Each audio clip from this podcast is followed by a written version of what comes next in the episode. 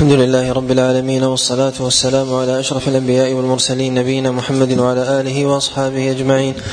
اللهم اغفر لنا ولشيخنا وعلمنا ما ينفعنا وانفعنا بما علمتنا يا أرحم الراحمين. أما بعد فبأسانيدكم إلى الإمام أبي داود رحمنا الله تعالى وإياه قال باب ما يقول إذا رأى الهلال. حدثنا موسى بن إسماعيل قال حدثنا ابان قال حدثنا قتادة أنه بلغه أن النبي صلى الله عليه وسلم كان إذا رأى الهلال قال هلال خير ورشد هلال خير ورشد هلال خير ورشد. آمنت بالذي خلقك ثلاث مرات ثم يقول الحمد لله الذي ذهب بشهر كذا وجاء بشهر كذا.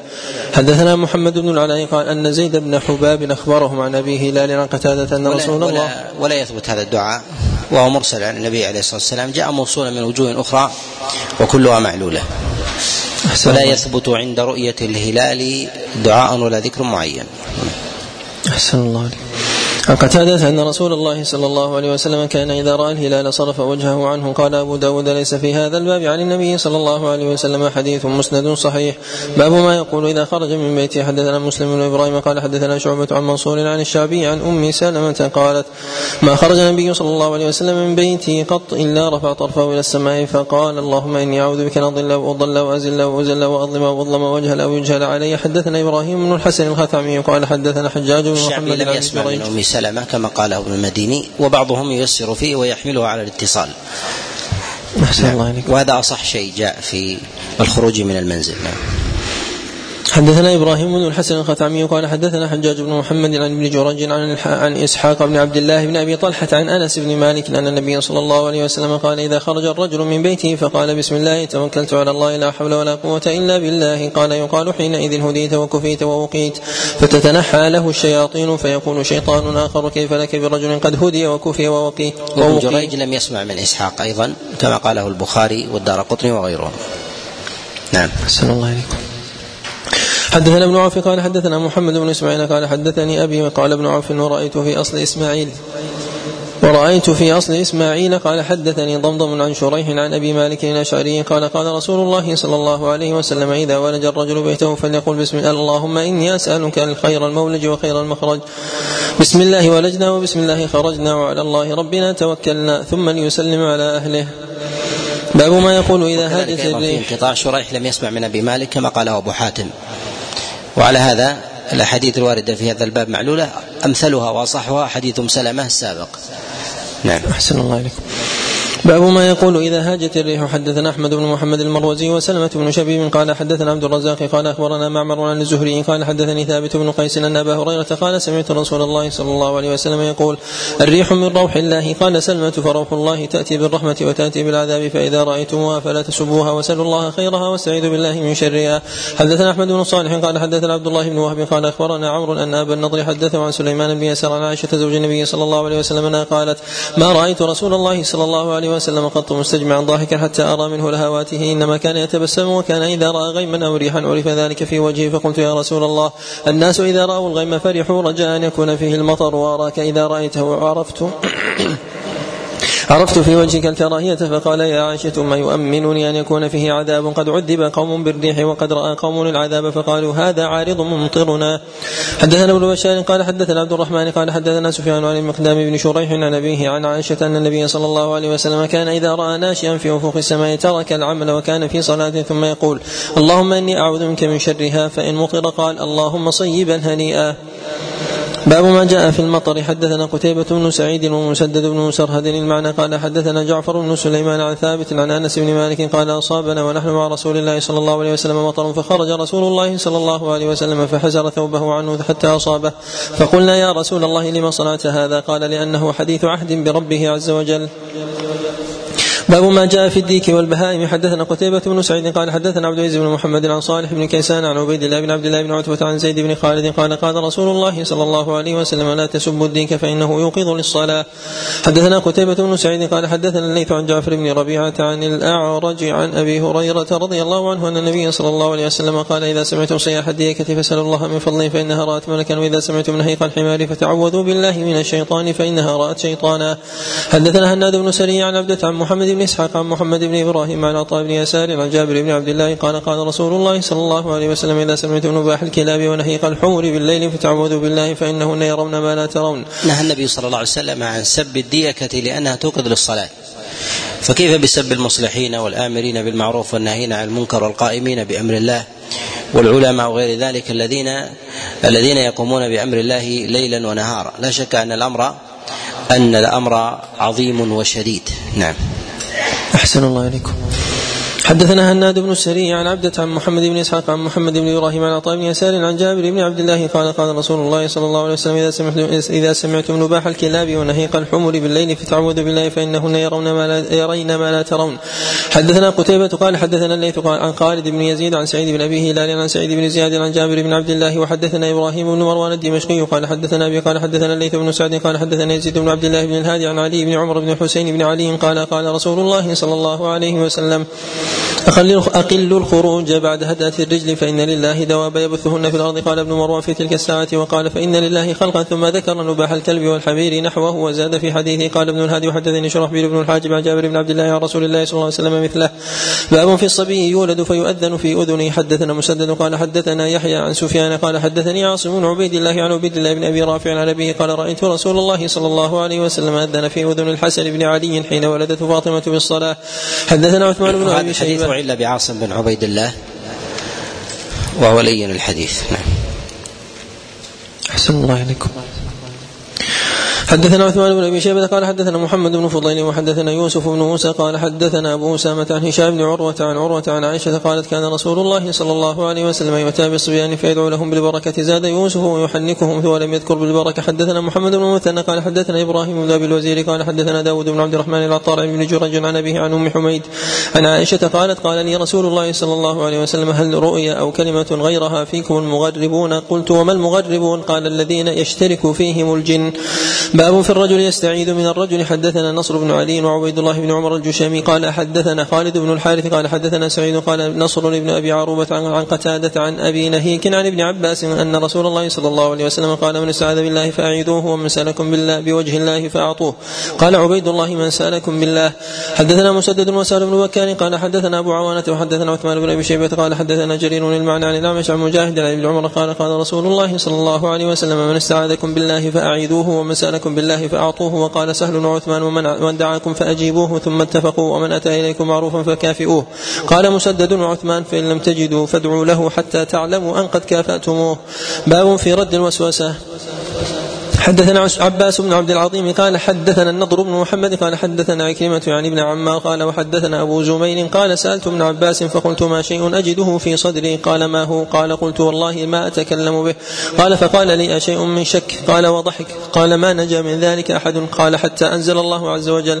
فإن كنت في شك مما أنزلنا إليك فاسأل الذين يقرؤون الكتاب من قبلك الآية. قال فقال لي إذا وجدت في نفسك شيئا فقل هو الأول والآخر والظاهر والباطن وهو بكل شيء عليم حدثنا أحمد بن يونس قال حدثنا زهير قال حدثنا سهيل عن أبيه عن أبي هريرة قال جاءه ناس من أصحابه فقالوا يا رسول الله نجد في أنفسنا شيئا نعظم أن نتكلم به أو الكلام به ما نحب أن لنا وأن تكلمنا به. قال أو قد وجدتموه؟ قالوا نعم. قال ذاك صريح الإيمان.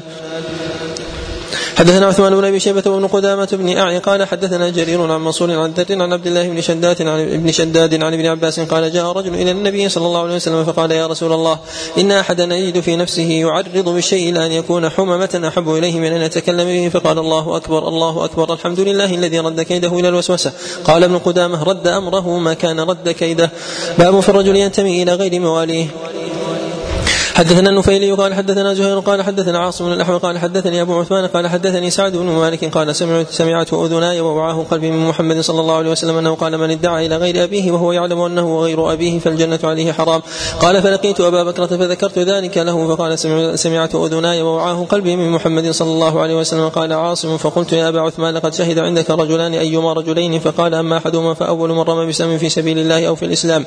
يعني سعد بن مالك والآخر قدم من الطائف في بضعة وعشرين رجلا من أقد على أقدامهم فذكر فضلا قال أبو داود قال النفيلي حيث حدث بهذا الحديث والله إنه عندي أحلى من العسل يعني قوله حدثنا وحدثني. قال أبو علي وسمعت أبا داود يقول سمعت أحمد يقول ليس لحديث أهل الكوفة نور ليس فيه إخبار. قال وما رأيت مثل أهل البصرة كانوا تعلموه من شعبة. حدثنا حجاج بن أبي يعقوب قال حدثنا معاوية عن ابن عمرو قال حدثنا زائدة عن الأعمش عن أبي صالح عن أبي هريرة عن النبي صلى الله عليه وسلم قال من تولى قوما بغير إذن مواليه فعليه لعنة الله والملائكة والناس أجمعين لا يقبل منه يوم القيامة عدل ولا صرف. حدثنا سليمان بن عبد الرحمن الدمشقي قال حدثنا عمر بن عبد الواحد عن عبد الرحمن بن يزيد بن جابر قال حدثني سعيد بن أبي سعيد ونحن ببيروت عن أنس بن مالك قال سمعت رسول الله صلى الله عليه وسلم يقول من ادعى إلى غير أبيه أو انتمى إلى غير مواليه فعليه لعنة الله المتتابعة إلى يوم القيامة المتتابعة إلى يوم القيامة. باب التفاخر بالأحساب. حدثنا موسى بن مروان الرقي قال حدثنا معافى وحدثنا أحمد بن سعيد الهمداني قال أخبرنا ابن وهب وهذا حديث عن هشام بن سعد عن سعيد بن أبي سعيد عن أبيه عن أبي هريرة رضي الله عنه قال قال رسول الله صلى الله عليه وسلم إن الله عز وجل قد أذهب عنكم عبية الجاهلية وفخر بالآباء مؤمن تقي وفاجر شقي. أنتم بنو آدم وآدم من تراب لا يدعنا رجال فخرهم بأقوام إنما هم فحم من فحم جهنم. إنما هم فحم من فحم جهنم ولا يكونون أهون على الله من الجعلان التي تدفع بأنفها النتن. باب في العصبية. حدثنا النفيلي قال حدثنا زهير قال حدثنا سماك بن حرب عن عبد الله عن عبد الرحمن بن عبد الله بن مسعود عن أبيه قال من نصر قومه على غير الحق فهو كالبعير الذي ردي فهو ينزع بذنبه. حدثنا ابن بشار قال حدثنا أبو عامر قال حدثنا سفيان عن سماك بن حرب عن عبد الرحمن بن عبد الله عن أبيه قال انتهيت إلى النبي صلى الله عليه وسلم وهو في قبة من أدم فذكر نحوه. حدثنا محمود بن خالد الدمشقي قال حدثنا الفريابي قال حدثنا سلمة بن بشر الدمشقي عن بنت واثلة بن الاسقى انها سمعت أباها يقول قلت يا رسول الله ما العصبية قال أن تعين قومك على الظلم. حدثنا أحمد بن عبد بن سخي قال حدثنا أيوب بن سويد عن أسامة بن زيد أنه سمع سعيد بن المسيب يحدث عن سراقة بن مالك بن جعش بن مدلجي قال خطبنا رسول الله صلى الله عليه وسلم فقال خيركم المدافع عن عشيرته ما لم يأثم. قال أبو داود أيوب بن سويد ضعيف. حدثنا ابن صرح قال حدثنا ابن وهب قال عن سعيد بن أبي أيوب عن محمد عبد الرحمن المكي عن ابن أبي لبيبة عن عبد الله بن أبي سليمان عن جبير بن مطعم أن رسول الله صلى الله عليه وسلم قال ليس منا من دعا إلى عصبية وليس منا من قاتل على عصبية وليس منا من مات على عصبية. قال أبو داود هذا مرسل عبد الله بن أبي سليمان لم يسمع من جبير. حدثنا أبو بكر بن أبي شيبة قال حدثنا أبو اسامه عن عوف عن زياد بن مخراق عن أبي كنانة عن أبي موسى قال قال رسول الله صلى الله عليه وسلم أخت القوم منه. حدثنا محمد بن عبد الرحيم البزاز قال حدثنا الحسين بن محمد قال حدثنا جرير بن حازم عن محمد بن إسحاق عن داود بن حسين عن عبد الرحمن بن أبي عقبة عن أبي عقبة. وكان مولى من أهل فارس. قال شهدت مع رسول الله صلى الله عليه وسلم وحده فضربت رجلا من المشركين فقلت خذها مني وأنا الغلام الفارسي. فالتفت إلي رسول الله صلى الله عليه وسلم فقال فهلا قلت خذها مني وأنا الغلام الأنصاري. باب إخبار الرجل الرجل بمحبته. اياه حدثنا مسدد قال حدثنا يحيى عن ثور قال حدثني حبيب بن عبيد عن مقدام بن معد كلب وقد كان أدركه. عن النبي صلى الله عليه وسلم قال إذا حب الرجل أخاه فليخبره أنه يحبه. حدثنا مسلم بن إبراهيم قال حدثنا المبارك بن فضالة قال حدثنا ثابت البناني عن أنس بن مالك أن رجلا كان عند النبي صلى الله عليه وسلم فمر به رجل فقال يا رسول الله إني لا أحب هذا. فقال له النبي صلى الله عليه وسلم أعلمته؟ قال لا. قال أعلم. قال فلحقه. فقال إني أحبك في الله. فقال أحبك الذي أحببتني له. حدثنا موسى بن إسماعيل قال حدثنا سليمان بن حميد بن هلال عن عبد الله بن صامت عن أبي ذر أنه قال يا رسول الله الرجل يحب القوم ولا يستطيع أن يعمل كعملهم قال أنت يا أبا ذر مع من أحببت؟ قال فإني أحب الله ورسوله. قال فإنك مع من أحببت؟ قال فأعادها أبو ذر فأعادها رسول الله صلى الله عليه وسلم. حدثنا وهب بن بقيه قال حدثنا خالد عن يونس بن عبيد عن ثابت عن أنس بن مالك قال رأيت أصحاب رسول الله صلى الله عليه وسلم فرحوا بشيء لم أرهم فرحوا بشيء أشد منه قال رجل يا رسول الله الرجل يحب الرجل على العمل من الخير يعمل به ولا يعمل بمثله؟ فقال رسول الله صلى الله عليه وسلم المرء مع من أحب. باب في المشورة حدثنا محمد بن المثنى قال حدثنا يحيى بن أبي بكير قال حدثنا شيبان عن عبد الملك بن عمير عن أبي سلمة عن أبي هريرة قال قال رسول الله صلى الله عليه وسلم المستشار مؤتمن. باب في الدال على خير كفاعله حدثنا محمد بن كثير قال أخبرنا سفيان عن الأعمش عن أبي عمرو الشيباني عن أبي مسعود الأنصاري قال جاء رجل إلى النبي صلى الله عليه وسلم فقال يا رسول الله إني أبدع بي فاحملني. قال لا أجد ما أحملك عليه ولكن ائت فلانا فلعله ان يحملك فأتاه فحمله. فأتى رسول الله صلى الله عليه وسلم فأخبره فقال رسول الله صلى الله عليه وسلم من دل على خير فله مثل أجر فاعله. باب في الهوى. حدثنا حيوة بن شرح قال حدثنا بقية عن أبي بكر بن أبي مريم الغساني عن خالد بن محمد الثقفي عن بلال بن أبي الدرداء عن أبي الدرداء عن النبي صلى الله عليه وسلم قال حبك الشيء يعمي ويصم. باب في الشفاعة حدثنا مسدد قال حدثنا سفيان بن عيينة عن بريدة بن أبي بردة عن أبيه عن أبي موسى قال قال رسول الله صلى الله عليه وسلم اشفع إلي لتؤجر وليقضي الله على لسان نبيه ما شاء حدثنا أحمد بن صالح وأحمد بن عمرو بن سرح. قال حدثنا سفيان بن ومن العقل أن الإنسان يفصل بين المحبوبات. فما أحبه لخلقه لا يعني أنه صاحب علم ومن أحبه لكرمه لا يعني أنه صاحب أنه صاحب علم أو أو فضل أو غير ذلك. ومن أحبه مثلا لقرابته من رحم ونحو ذلك ينفك تنفك هذه الأشياء. أو ربما كان صاحب إحسان إليه. بأنه أعطى أعطاه أو أهداه أو منحه أو دفع عنه هذا أو غير ذلك فهذه المحبوبات تنفك. فإذا امتزجت مع شيء منفك عنها دخل حينئذ الهواء. فالفصل بين المحبوبات هي مدعاة للإنصاف. نعم. أحسن الله إليكم. قال عن عمرو بن دينار عن وهب بن منبه عن أخي عن معاوية تشفع تؤجر فإني لا أريد الأمر فأؤخره كما تشفع فتؤجر فإن رسول الله صلى الله عليه وسلم قال اشفع تؤجر حدثنا أبو معمر قال حدثنا سفيان عن بريد عن أبي بردة عن أبي موسى عن النبي صلى الله عليه وسلم مثله. باب في من يبدأ بنفسه في الكتاب. حدثنا أحمد بن حنبل قال حدثنا هشيم عن منصور عن ابن سيرين قال أحمد قال مرة يعني هشيم عن بعض ولد العلاء أن العلاء بن الحضرمي كان عامل النبي صلى الله عليه وسلم على البحرين فكان إذا كتب إليه بدأ بنفسه. حدثنا محمد بن عبد الرحيم الوزاز قال حدثنا معل بن منصور قال أخبرنا هشيم عن منصور عن ابن سيرين عن ابن العلاء يعني العلاء يعني ابن حضرمي أنه كتب إلى النبي صلى الله عليه وسلم فبدأ باسمه. باب كيف يكتب إلى الذمي. حدثنا الحسن بن علي ومحمد بن يحيى. قال حدثنا عبد الرزاق عن معمر عن الزهري عن عبيد الله بن عبد الله بن عتبة عن ابن عباس أن النبي صلى الله عليه وسلم كتب إلى هرقل من محمد رسول الله إلى هرقل عظيم الروم. سلام على من اتبع الهدى. قال ابن يحيى عن ابن عباس أن أبا سفيان أخبره. قال فدخلنا على هرقل. فأجلسنا بين يديه ثم دعا بكتاب رسول الله صلى الله عليه وسلم. فإذا فيه بسم الله الرحمن الرحيم من محمد رسول الله إلى هرقل عظيم الروم. سلام على من اتبع الهدى. أما بعد باب في بر الوالدين. حدثنا محمد بن كثير قال أخبرنا سفيان قال حدثني سهيل بن أبي صالح عن أبي هريرة قال قال رسول الله صلى الله عليه وسلم لا يجزي ولد والده إلا أن يجده مملوكا فيشتريه فيعتقه.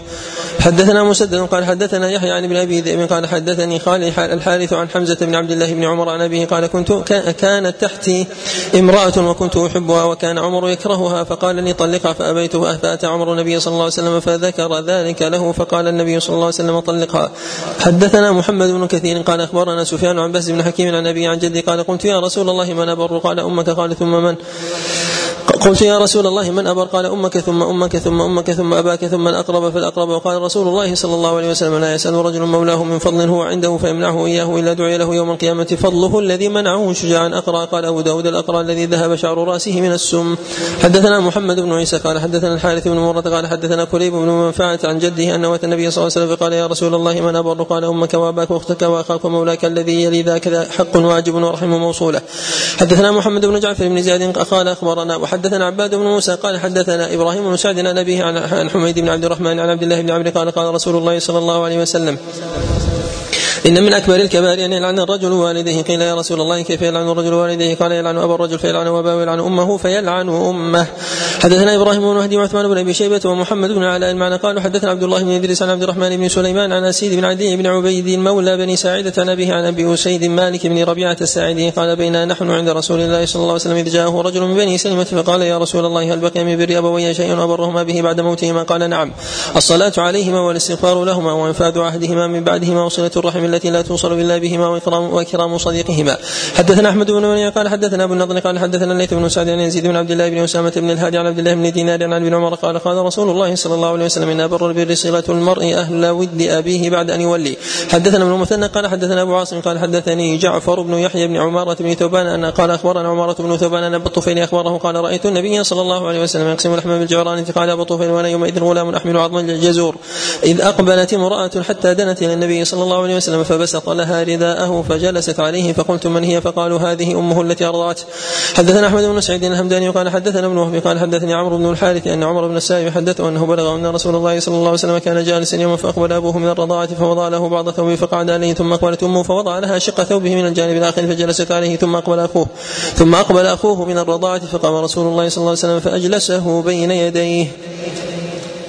باب في فضل من عال يتيما. حدثنا عثمان وأبو بكر بن أبي شيبة المعنى قال حدثنا أبو معاوية عن أبي مالك الاشعري ابن حدير عن ابن عباس قال قال رسول الله صلى الله عليه وسلم من كانت له أنثى فلم يئدها ولم يهنها ولم يؤثر ولده عليها يعني قال يعني الذكور أدخله الله الجنة ولم يذكر عثمان عن الذكور.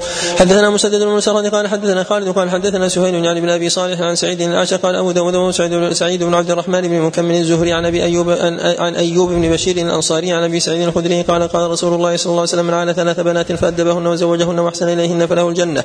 حدثنا يوسف بن موسى قال حدثنا جرير عن سهيل بهذا الإسناد بمعنى قال ثلاث أخوات أو ثلاث بنات أو ابنتان أو أختان. حدثنا مسدد قال حدثنا يزيد بن زرع قال حدثنا النهاس بن قهم قال حدثني شداد أبو عمار عن عوف بن مالك الأشجعي قال قال رسول الله صلى الله عليه وسلم أنا امرأة سفع خد سفع سفع الخدين كهاتين يوم القيامة وأو ما يزيد بالوصى والسباب امرأة آمت من زوجها ذات منصب وجمال حبست نفسها على يتاماها حتى بانوا أو ماتوا. باب في ضم اليتيم. حدثنا محمد بن صباح بن سفيان قال أخبرنا عبد العزيز عن ابن أبي حازم قال حدثني أبي عن سهل أن النبي صلى الله عليه وسلم قال أنا وكافر اليتيم كاتين في الجنة وقارن بين إصبعيه الوسطى والتي تلي الإبهام. باب في حق الجوار حدثنا مسدد قال حدثنا حماد عن يحيى بن سعيد عن أبي بكر بن محمد عن عمرة عن عائشة أن النبي صلى الله عليه وسلم قال ما زال جبريل يوصوني ما زال جبريل يوصيني بالجار حتى قلت ليورثنه. حدثنا محمد بن عيسى قال حدثنا سفيان عن بشير النبي إسماعيل عن مجاهد عبد الله بن عمرو أنه ذبح شاة فقال اهديت من جار اليهودي فقال فإني سمعت رسول الله صلى الله عليه وسلم يقول ما زال جبريل يوصيني بالجار حتى ظننت أنه سيورثه. حدثنا الربيع بن نافع أبو توبة قال حدثنا سليمان بن حيان عن محمد بن عجلان عن أبي عن أبي هريرة قال جاء رجل إلى النبي صلى الله عليه وسلم يشكو جاره فقال اذهب فاصبر فأتاه مرتين أو ثلاثا فقال اذهب فاطرح متاعك في الطريق فطرح متاعه في الطريق فجعل الناس يسألونه فيخبرهم خبره. فجعل الناس يلعنونه فعل الله به وفعل فجاء إليه جاره فقال ارجع لا ترى مني شيئا تكره حدثنا محمد بن متوكل عسقلاني قال حدثنا عبد الرزاق قال أخبرنا معمر عن زهري عن أبي سلمة عن أبي هريرة قال قال رسول الله صلى الله عليه وسلم من كان يؤمن بالله واليوم الآخر فليكرم ضيفه ومن كان يؤمن بالله واليوم الآخر فلا يؤذي جاره ومن كان يؤمن بالله واليوم الآخر فليقل خيرا أو ليصمت حدثنا مسدد بن مسرد وسعيد بن منصور ان الحارث بن عبيد حدثهم ان عن ابي عمران الجوني عن طلحه عن عائشه قالت قلت يا رسول الله ان لي جارين بايهما ابدا قال بادناهما بابا قال ابو داود قال شعبه في هذا الحديث طلحه رجل من قريش باب في حق المملوك حدثنا زهير بن حرب وعثمان بن ابي شيبه قال حدثنا محمد بن الفضيل عن مغيرة عن ام موسى عن علي قال كان اخر كلام رسول الله صلى الله عليه وسلم الصلاه الصلاه اتقوا الله فيما ملكت أيمانكم. حدثنا عثمان بن أبي شيبة قال حدثنا جرير عن الأعمش عن المعرور بن سويد قال رأيت أبا ذر بالربذة وعليه برد غليظ وعلى غلامه مثله. قال فقال القوم يا أبا ذر لو كنت أخذت الذي على غلامك فجعلته مع هذا فكانت حلة وكسوت غلامك ثوبا غيره. قال فقال أبو ذر إني كنت ساببت رجلا وكانت أمه أعجمية فعيرته بأمه فشكاني إلى رسول الله صلى الله عليه وسلم. فقال يا أبا ذر إنك امرؤ فيك جاهلية. وقال إنهم إخوانكم فضلكم الله عليهم فمن لم يلائمكم فبيعوه ولا تعذبوا خلق الله. حدثنا مسدد قال حدثنا عيسى بن قال حدثنا الأعمش عن المعرور قال دخلنا على أبي ذر الربذة فإذا عليه برد على غلامه مثله فقلنا يا أبا ذر لو أخذت برد غلامك إلى بردك فكانت حلة وكسوته ثوبا غيره قال سمعت رسول الله صلى الله عليه وسلم يقول إخوانكم جعلهم الله تحت أيديكم فمن كان أخوه تحت يديه فليطعمه مما يأكل وليكسه مما يلبس.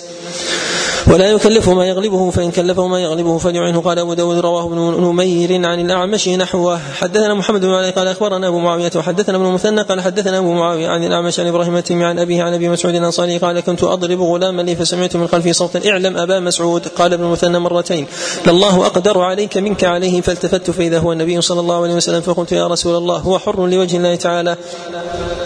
قال أما لو لم تفعل للفعتك النار أو لمستك النار.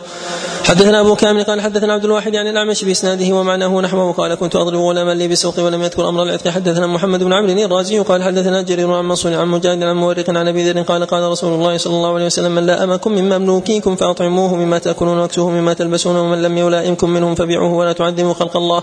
حدثنا إبراهيم بن موسى قال أخبرنا عبد الرزاق قال أخبرنا معمر عن عثمان بن زفر عن بعض بني رافع بن مكيث عن رافع بن مكيث وكان ممن شهد الحديبية أن النبي صلى الله عليه وسلم قال حسن الملكه الملكة نماء وسوء الخلق شؤم. حدثنا محمد بن مصفى قال حدثنا بقية قال حدثنا عثمان بن زفر قال حدثني محمد بن خالد بن رافع بن مكيث عن عمه الحارث بن رافع بن مكيث وكان رافع من جهينة قد شهد الحديبية مع رسول الله صلى الله عليه وسلم عن رسول الله صلى الله عليه وسلم قال حسن الملكة يمن وسوء الخلق شؤم. وسوء الخلق شؤم. حدثنا أحمد بن سعيد الهمداني وأحمد بن عمرو بن سرح وهذا حديث الهمداني وهو قال حدثنا ابن وهبي قال أخبرني أبو هاني الخولاني عن العباس بن جريد الحجري قال سمعت عبد الله بن عمر يقول جاء رجل إلى النبي صلى الله عليه وسلم فقال يا رسول الله كم نعفو عن الخادم فصمت. ثم عاد عليه الكلام فصمت فلما كان في الثالثة قال اعفو عنه في كل يوم سبعين مرة.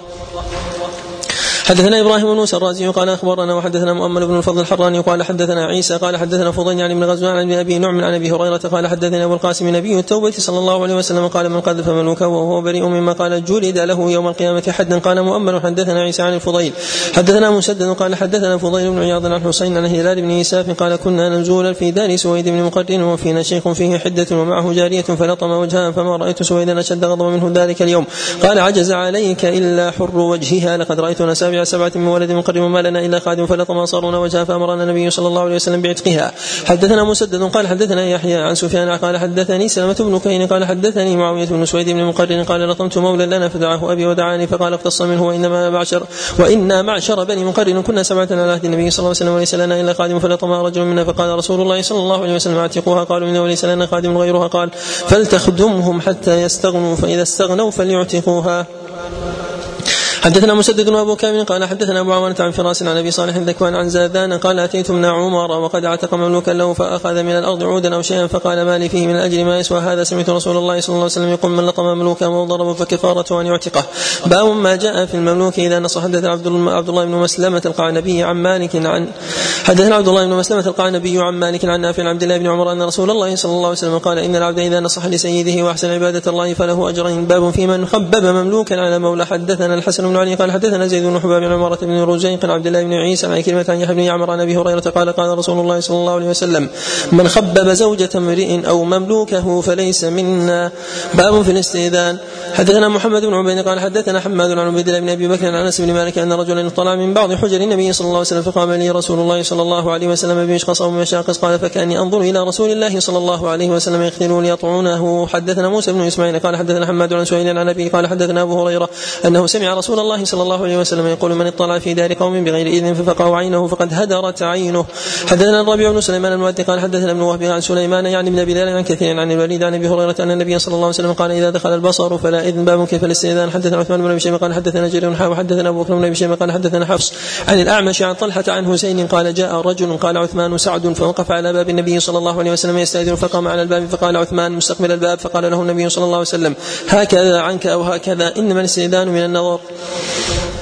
حدثنا هارون بن عبد الله قال حدثنا أبو داود الحفري عن سفيان عن الاعمش عن طلحة بن مصرف عن رجل عن سعد نحوه عن النبي صلى الله عليه وسلم. حدثنا محمد بن بشار قال حدثنا أبو عاصم قال أخبرنا ابن جريج وحدثنا يحيى بن حبيب ابن عربي قال حدثنا روح عن ابن جريج قال أخبرني عمرو بن أبي سفيان أن عمرو بن عبد الله بن صفوان أخبره عن كلادة بن حنبل أن صفوان بن أمية بعثه إلى رسول الله صلى الله عليه وسلم بلبن وجداية وضغابيس. والنبي صلى الله عليه وسلم بأعلى مكة فدخلت ولم اسلم فقال ارجع فقل السلام عليكم. وذلك بعدما أسلم صفوان بن أمية قال عمرو أخبرني بن صفوان بهذا أجمع عن كلدة بن حنبل ولم يقل سمعته منه. قال أبو داود قال يحيى بن حبيب بن أمية بن صفوان ولم يقل سمعته من كلدة بن حنبل وقال يحيى أيضا. عمرو بن عبد الله بن صفوان أخبره أن كلدة بن حنبل أخبره حدثنا بكر بن أبي شيبة قال حدثنا أبو الأحوص عن منصور الربعي قال حدثنا رجل بن عامر سأل على النبي صلى الله عليه وسلم وهو في بيت. فقال آلج فقال النبي صلى الله عليه وسلم خادمه اخرج إلى هذا فعلمه الاستئذان. فقل له قل السلام عليكم آدخل. فسمعه الرجل فقال السلام عليكم آدخل. فأذن له النبي صلى الله عليه وسلم فدخل. حدثنا هناد بن سري عن أبي الأحوص عن منصور عن ربعي بن حراش قال حدثت أن رجلا من بني عامر استأذن على النبي صلى الله عليه وسلم بمعنى قال أبو داود كذلك. حدثنا مسدد قال حدثنا أبو عوان عن منصور ولم يقل. عن رجل من بني عامر. حدثنا عبيد الله بن معاذ قال حدثنا أبي قال حدثنا شعبة عن منصور عن ربعين عن رجل من بني عامر أنه استأذن على النبي صلى الله عليه وسلم بمعنى قال فسمعته فقلت السلام عليكم. أدخل باب كم مرة يسلم الرجل في الاستئذان. حدثنا أحمد بن عبدة قال أخبرنا سفيان عن يزيد بن الخصي فتح عن بشر بن سعيد عن أبي سعيد الخدري قال كنت جالسا في مجلس من مجالس الأنصار. فجاء أبو موسى فزعا فقلنا له ما ابساك قال أمرني عمر ان أتيه فاتيته فاستأذنت ثلاثا فلم يؤذن لي فرجعت فقال ما منعك أن تأتيني؟ قال قد جئت فاستأذنت ثلاثا فلم يؤذن لي وقد قال رسول الله صلى الله عليه وسلم إذا استأذن أحدكم ثلاثا فلم يؤذن له فليرجع. قال لتأتيني على هذا بالبينة؟ قال فقال أبو سعيد لا يقوم معك إلا أصغر القوم. قال فقام أبو سعيد معه فشهد له حدثنا مسدد. قال حدثنا عبد الله بن داود عن طلحة بن يحيى عن أبي بردة. عن أبي موسى قال أتى عمر فاستأذن ثلاثا؟ فقال أتى عمر فاستأذن ثلاثا؟ فقال يستأذن أبو موسى يستأذن الأشعري يستأذن عبد الله بن قيس فلم يأذن له فرجع فبعث إليه عمر ما ردك قال قال رسول الله صلى الله عليه وسلم يستأذن أحدكم ثلاثا فإن أذن له وإلا فليرجع فليرجع. قال أتيني ببينة على هذا فذهب ثم رجع فقال هذا أبي. قال فقال أبي يا عمر لا تكن عذابا على أصحاب رسول الله صلى الله عليه وسلم. فقال عمر لا أكون عذابا على أصحاب رسول الله صلى الله عليه وسلم. حدثنا يحيى بن حبيب قال حدثنا الرحمن قال حدثنا ابن جريج قال أخبرني عطاء عبيد بن عمير أن أبا موسى استأذن على عمر بهذه القصة. قال فيه فانطلق بأبي سعيد فشهد له قال أخافي علي هذا من أمر رسول الله صلى الله عليه وسلم هل الصدق بالأسواق ولكن سلم ما شئت ولا تستأذن. حدثنا زيد بن أخزم قال حدثنا عبد القاهر بن شعيب قال حدثنا هاشم قال هشام قال عن حميد بن هلال عن أبي بردة عن أبي موسى عن أبي بهذه القصة قال فقال عمر لأبي موسى إني لم أتهمك ولكن الحديث عن رسول الله صلى الله عليه وسلم شديد. حدثنا عبد الله بن مسلمة عن مالك عن ربيعة بن أبي عبد الرحمن وغير واحد من علماء في هذا قال فقال عمر لأبي موسى أما إنك أما إني لم أتهمك ولكن خشيت أن يتقول الناس على رسول الله صلى الله عليه وسلم. حدثنا هشام بن أبو مروان محمد بن مثنى المعنى قال محمد بن مثنى حدثنا الوليد بن مسلم قال حدثنا أبو قال سمعت يحيى بن أبي كثير يقول حدثني محمد بن عبد الرحمن بن اسد بن زرار عن قيس بن سعد قال زارنا رسول الله صلى الله عليه وسلم في منزلنا فقال السلام عليكم ورحمة الله قال فرد سعد ردا خفيا. قال قيس فقلت ألا تأذن لرسول الله صلى الله عليه وسلم؟ قال ذره يكثر يكثر علينا من السلام فقال رسول الله صلى الله عليه وسلم السلام عليكم ورحمة الله فرد سعد ردا خفيا ثم قال رسول الله صلى الله عليه وسلم السلام عليكم ورحمة الله ثم رجع رسول الله صلى الله عليه وسلم واتبعه سعد فقال يا رسول الله إني كنت أسمع تسليمك وأرد عليك ردا خفيا لتكثر علينا من السلام. قال فصرف معه رسول الله صلى الله عليه وسلم فأمر له سعد بغسل فاغتسل ثم ناوله من حفه مصبوغة من زعفران أو ورس فاشتمل بها ثم رفع رسول الله صلى الله عليه وسلم يديه وهو يقول اللهم اجعل صلواتك ورحمتك على آل سعد بن عبادة. قال ثم أصاب رسول الله صلى الله عليه وسلم من الطعام فلما أراد الانصراف قرب له سعد حمارا قد وطأ قد وطأ عليه بقطيفة فركب رسول الله صلى الله عليه وسلم. فقال سعد يا قيس اصحب رسول الله صلى الله عليه وسلم. فقال قيس فقال رسول الله صلى الله عليه وسلم اركب فأبيت. ثم قال إما أن تركب وإما أن تصرف. قال فانصرفت قال هشام أبو مروان محمد بن عبد الرحمن بن اسعد بن زرارة قال أبو داود رواه عمر بن عبد الواحد بن سماعة عن الأوزاعي مرسلا لم يذكر قيس بن سعد.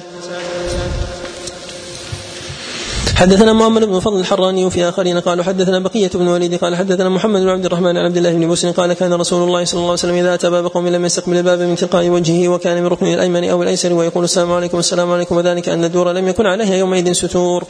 باب الرجل يستأذن بالدق. حدثنا مسدد قال حدثنا بشر عن شعبة محمد بن مكدر عن جابر أنه ذهب إلى النبي صلى الله عليه وسلم في دين أبيه فدققت الباب فقال من هذا؟ قلت أنا. قال أنا. أنا كأنه كره. باب الرجل يدق الباب ولا يسلم. حدثنا يحيى بن أيوب المقابري قال حدثنا إسماعيل بن جعفر قال حدثنا محمد بن عمرو عن ابي سلم عن نافع بن عبد الحارث. قال خرجت مع رسول الله صلى الله عليه وسلم حتى دخلت حائطا فقال لي أمسك الباب فضرب الباب فقلت من هذا؟ وساق الحديث. قال أبو داود يعني حديث أبي موسى الأشعري فدق الباب. باب في الرجل يدعى أيكون ذلك إذنه. حدثنا موسى بن إسماعيل قال حدثنا حماد بن حبيب بن هشام عن محمد عن أبي هريرة أن النبي صلى الله عليه وسلم قال رسول الرجل إلى الرجل إذنه. حدثنا حسين بن معاذ بن خلي بن خليف قال حدثنا عبد الأعلى قال حدثنا سعيد عن قتادة عن أبي رافع عن أبي هريرة أن رسول الله صلى الله عليه وسلم قال إذا دعي أحدكم إلى طعام فجاء مع الرسول فإن ذلك له إذن. قال أبو داود يقال إن قتادة لم يسمع من أبي رافع شيئا. باب الاستئذان في العورات الثلاثة حدثنا ابن صالح قال حدثنا وحدثنا محمد بن صباح بن سفيان وأحمد بن عبدة وهذا حديث قال أخبرنا سفيان عن عبيد الله بن أبي يزيد أنه سمع ابن عباس يقول لم يؤمن بها أكثر الناس آية الإذن وإني لآمر جاريتي هذه تستأذن علي. قال أبو داود كذلك روى وطعنا ابن عباس يأمر به. حدثنا عبد الله بن مسلمة قال حدثنا عبد العزيز بن محمد عن عمرو بن أبي عمرو عن كلمة أن نفر من أهل العراق قالوا يا ابن عباس كيف ترى في هذه الآية التي أمرنا فيها بما أمرنا ولم يعمل بها أحد قول الله عز وجل؟ يا أيها الذين آمنوا ليستأذنكم الذين ملكت أيمانكم والذين لم يبلغوا الحلم منكم ثلاث مرات. من قبل صلاة الفجر وحين تضعون ثيابكم من الظهيرة ومن بعد صلاة العشاء ثلاث عورات لكم ليس عليكم ولا عليهم جناح بعدهن طوافون عليكم. قرأ القعنبي إلى عليم حكيم. قال ابن عباس إن الله حليم رحيم بالمؤمنين يحب الستر. كان الناس ليس لبيوتهم ستور ولا حجال فربما دخل الخادم أو الولد أو يتيمة الرجل والرجل على أهله. فأمرهم الله بالاستئذان في تلك العورات فجاءهم الله بالستور والخير فلم أرى أحدا يعمل بذلك بعد. قال أبو داود حديث عبيد الله وعطاء يفسد هذا الحديث. باب في إفشاء السلام. حدثنا أحمد بن أبي شعيب قال حدثنا زهير قال حدثنا الأعمش عن أبي صالح عن أبي هريرة قال قال رسول الله صلى الله عليه وسلم الذي نفسي بيده لا تدخلوا الجنة حتى تؤمنوا ولا تؤمنوا حتى تحابوا فلا أدلكم على أمر إذا فعلتم وتحاببتم أفشوا السلام بينكم. حدثنا قتيبة بن سعيد قال حدثنا الليث عن يزيد بن أبي حبيب عن أبي الخير عن عبد الله بن عمرو أن رجلا سأل رسول الله صلى الله عليه وسلم أي الإسلام خير؟ قال تطعم الطعام وتقرأ السلام على من عرفت ومن لم تعرف. باب كيف السلام؟ حدثنا محمد بن كثير قال أخبرنا جعفر بن سليمان عن عوف الأعرابي عن أبي رجاء عن عمران بن حسين قال جاء رجل إلى النبي صلى الله عليه وسلم فقال السلام عليكم فرد عليه ثم جلس فقال النبي صلى الله عليه وسلم عشر. ثم جاء آخر فقال السلام عليكم ورحمة الله فرد عليه فجلس فقال عشرون. ثم جاء آخر فقال السلام عليكم ورحمة الله وبركاته فرد عليه فجلس فقال ثلاثون. حدثنا إسحاق بن سويد الرملي قال حدثنا ابن أبي مريم قال أظن أني سمعت نافع بن يزيد قال أخبرني أبو مرحوم عن سالم بن معاذ بن أنس عن أبيه عن النبي صلى الله عليه وسلم بمعناه زاد ثم أتى آخر فقال السلام عليكم ورحمة الله وبركاته ومغفرته فقال اربعون وقال هكذا تكون الفضائل. باب فضل من بدأ بالسلام. حدثنا محمد بن يحيى بن فارس الذهني قال حدثنا أبو عاصم عن أبي خالد وهب عن أبي سفيان الحمصي ان عن أبي أمامة قال قال رسول الله صلى الله عليه وسلم إن أولى الناس بالله من بدأهم بالسلام. باب من أولى بالسلام. حدثنا أحمد بن حنبل قال حدثنا عبد الرزاق قال أخبرنا معمر عن همام بن رب عن أبي هريرة قال قال رسول الله صلى الله عليه وسلم يسلم الصغير على الكبير والمار على القاعد والقليل على الكثير. حدثنا يحيى بن حبيب بن عربي قال أخبرنا روح. ولكن إذا مر الكبير على الصغير فإنه هو الذي يسلم وهو أحق بالسلام منه. وإن استوي في المرور فإنه يبادر يبادر الصغير على على الكبير. نعم. أحسن الله إليكم. حدثنا يحيى بن حبيب بن عربي قال أخبرنا روح قال حدثنا ابن جريج قال أخبرني زياد أن ثابتا مولى عبد الرحمن بن زيد أخبره أنه سمع أبا هريرة يقول قال رسول الله صلى الله عليه وسلم يسلم الراكب على الماشي ثم ذكر الحديث.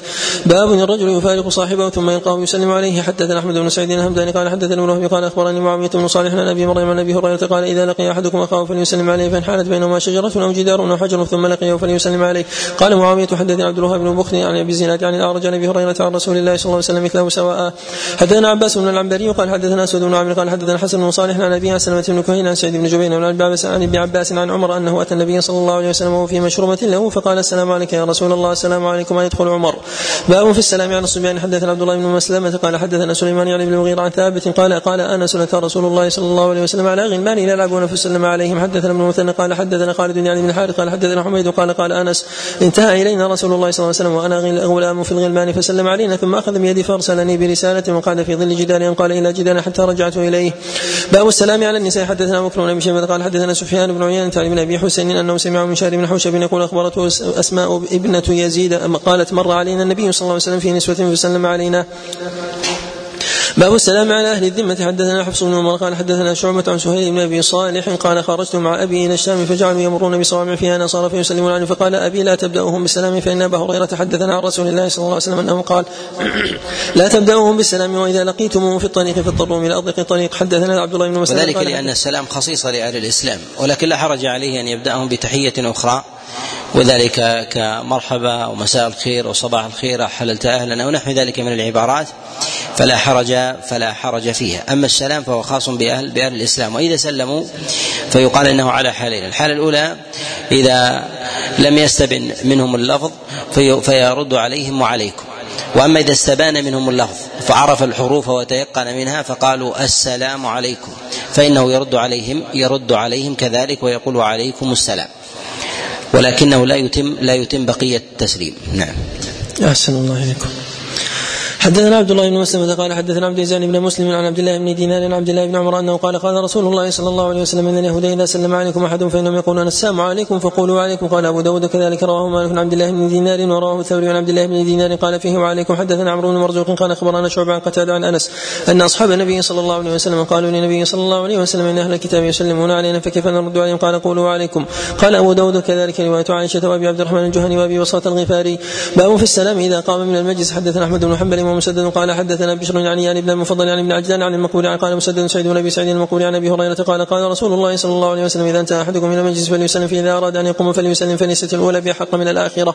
باب كراهية أن يقول عليك السلام. حدثنا أبو بكر بن أبي شيبة قال حدثنا أبو خالد الأحمر عن أبي غفار عن أبي تميم الهجيمي عن أبي جرين الهجيمي قال أتيت النبي صلى الله عليه وسلم فقلت عليك السلام يا رسول الله. قال لا تقل عليك السلام فإن عليك السلام تحية الموتى.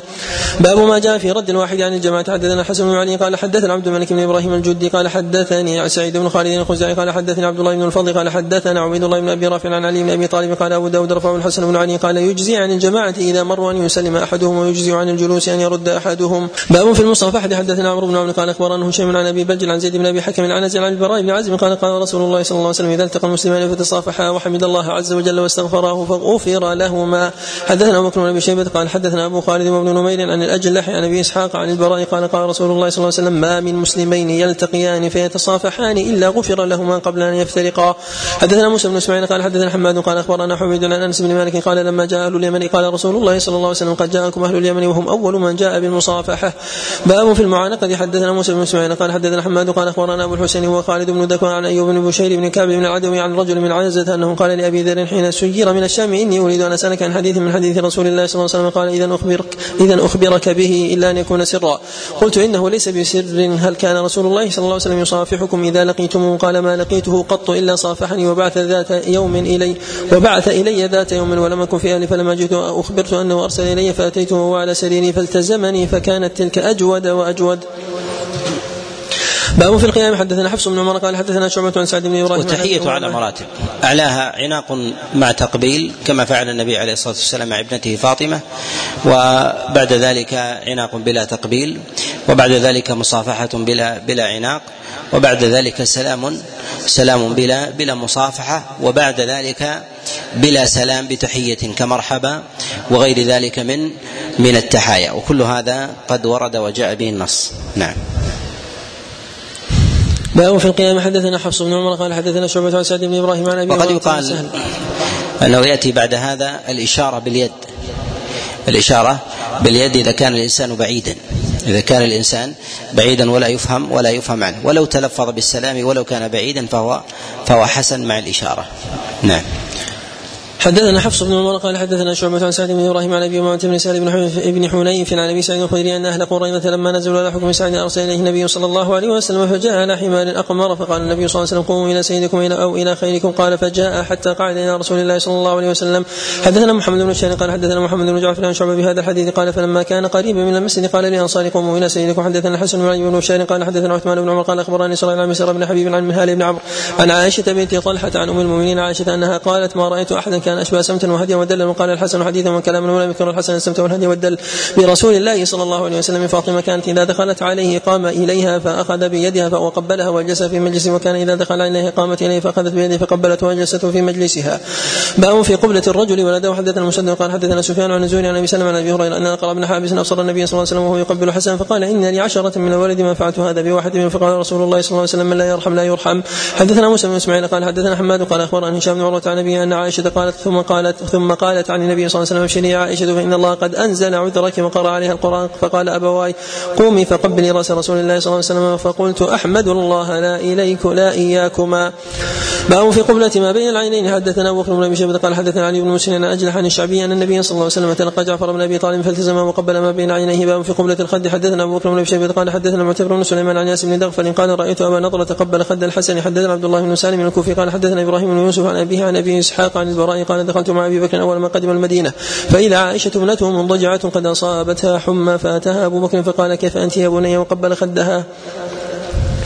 باب قبلة اليد حدثنا أحمد بن قال حدثنا زهير قال حدثنا يزيد بن أبي زياد عن عبد الرحمن بن أبي ليلى حدثنا ان عبد الله بن عمر حدثه وذكر قصة قال فدنونا يعني من النبي صلى الله عليه وسلم فقبلنا يده باب قبلة الجسد. حدثنا عمرو بن عون قال أخبرنا خالد بن حسين عن عبد الرحمن بن أبي ليلى عن سيد بن حضين رجل من الأنصار قال بينما هو يحدث القوم وكان فيه مزاح بين بين يضحكهم فطعنه النبي صلى الله عليه وسلم في خاصرته بعود فقال أصبرني قال اصطبر قال إن عليك قميصا وليس علي قميص فدعا فرفع النبي صلى الله عليه وسلم قميصه فاحتضى فاحتضنه وجعل يقبل كشحه. قال إنما أردت هذا يا رسول الله. باب في قبلة الرجل. حدثنا أحمد بن عيسى قال حدثنا محمد بن عيسى قال حدثنا مطر بن عبد الرحمن الآن قال حدثتني أم أبا بنت الوازع بن زارع عن جدها زارع وكان في وفد عبد القيس قال لما قدمنا المدينة جعل فجعلنا نتبادر من رواحلنا فنقبل إذا رسول الله صلى الله عليه وسلم ورجله وانتظر المنذر الأشج حتى أتى عيبته فلبس ثوبين ثم أتى النبي صلى الله عليه وسلم فقال له إن فيك خلتين يحبهما الله الحلم, الحلم والأنا. قال يا رسول الله أنا أتخلق بهما من الله جبلني عليهما. قال بل الله جبلك عليهما قال الحمد لله الذي جبلني على خلتين يحبهما الله ورسوله. باب الرجل يقول جعلني الله في ذاك حدثنا موسى بن إسماعيل قال حدثنا حماد وحدثنا مسلم قال حدثنا هشام جميعا حماد عن يعني بن أبي سليمان عن زيد بن وهب عن أبي ذر قال قال النبي صلى الله عليه وسلم يا أبا ذر فقلت لبيك وسعديك يا رسول الله وأنا فداؤك. باب الرجل يقول للرجل أنعم الله بك عينا. حدثنا سلمة بن شبيب قال حدثنا عبد الرزاق قال أخبرنا معمر عن قتادة أو غيره عن أن عمران بن حسين قال كنا نقول في الجاهلية أنعم الله بك عينا وأنعم صباحا فما فلما كان الاسلام نهينا عن ذلك قال عبد الرزاق قال معمر يكره ان يقول الرجل أنعم الله بك عينا ولا بأس أن يقول أنعم الله عينك. باب الرجل يقول للرجل حفظك الله. حدثنا موسى بن إسماعيل قال حدثنا حماد عن ثابت بن بناني عن عبد الله بن رباح الأنصاري قال حدثنا أبو قتادة أن النبي صلى الله عليه وسلم كان في سفر في سفر له فعطش فانطلق سرعان الناس فلزمت رسول الله صلى الله وسلم تلك الليلة فقال قال حفظك الله بما حفظت به نبيه. باب الرجل يقوم للرجل يعظمه بذلك. حدثنا موسى بن إسماعيل قال حدثنا حماد عن حبيب بن الشهيد عن أبي مجلز قال خرج معاوية على ابن الزبير وابن عامر فقام ابن عامر وجلس ابن الزبير فقال معاوية لابن عامر نجلس فإني سمعت رسول الله صلى الله عليه وسلم يقول من أحب أن يمثل له الرجال قياما فليتبوى مقعده من النار. حدثنا بكر بن أبي شيبة قال حدثنا عبد الله بن نمير عن مسعر عن أبي العنبس عن أبي العدبس عن أبي مرزوق عن أبي غالب عن أبي أمامة قال خرج علينا رسول الله صلى الله عليه وسلم متوكلا على العصا فقمنا إليه فقال لا تقوموا كما تقوم الاعاجم يعظم بعضها بعضا. باب الرجل يقول فلان وإذا قيم له وإذا قيم له بالاختيار لا حرج عليه. ولكن إذا جلس لدخوله وكره ذلك فهذا الذي الذي لا يجوز. نعم. باب الرجل يقول فلان يقرئك السلام. حدثنا أبو بكر بن أبي شيبة قال حدثنا إسماعيل عن غالب قال أنا لجلوس بباب الحسن. إذ جاء رجل فقال حدثني أبي عن جدي قال بعثني أبي إلى رسول الله صلى الله عليه وسلم فقال أتي فقال فأقرئه السلام. قال فاتيته فقلت إن أبي يقرئك السلام. قال عليك وعلى أبيك السلام. حدثنا أبو بكر بن أبي شيبة قال حدثنا عبد الرحيم بن سليمان عن زكريا عن الشعبي عن أبي سلامة عن عائشة حدثته أن النبي صلى الله عليه وسلم قال لا ان جبريل يقرا عليك السلام فقالت وعليه السلام ورحمة الله. باب الرجل ينادي الرجل فيقول لبيك وسعديك. حدثنا موسى بن إسماعيل قال حدثنا حماد قال أخبرني يعلم بن أخبرنا يعلى بن عطاء عن أبي همام عبد الله بن يسار أن أبا عبد الرحمن الفهري قال شهدت مع, رسول الله صلى الله عليه وسلم حنينا فسرنا في يوم قائض شديد الحر فنزلنا تحت ظل الشجر. فلما زالت الشمس لبست لامتي وركبت فرسي فأتيت رسول الله صلى الله عليه وسلم وهو في فسطاطه فقلت السلام عليك يا رسول الله ورحمة الله وبركاته. قد حان الرواح. قال أجل ثم قال يا بلال فثار من تحت سمره كأن ظله ظل طائر فقال لبيك وسعديك وأنا فداؤك. فقال أسرج لي الفرس فأسر فأخرج سرجا دفته من ليف ليس فيها أشر ولا بطن فركب وركبنا وساق الحديث. قال أبو داود ابو عبد الرحمن الفهري ليس له إلا هذا الحديث وهو حديث نبيل جاء به حماد بن سلمة. باب فالرجل يقول لرجل أضحك الله سنك حدثنا عيسى بن إبراهيم البيراكي قال وسمعت من أبي الوليد الطيالسي وأنا لحديث عيسى أضبط. قال حدثنا عبد القاهر بن سري عن السلمي قال حدثنا ابن لكنانة بن عباس بن برداس عن أبيه عن جده. قال ضحك رسول الله صلى الله عليه وسلم. فقال له أبو بكر أو عمر أضحك الله سنك وساق الحديث.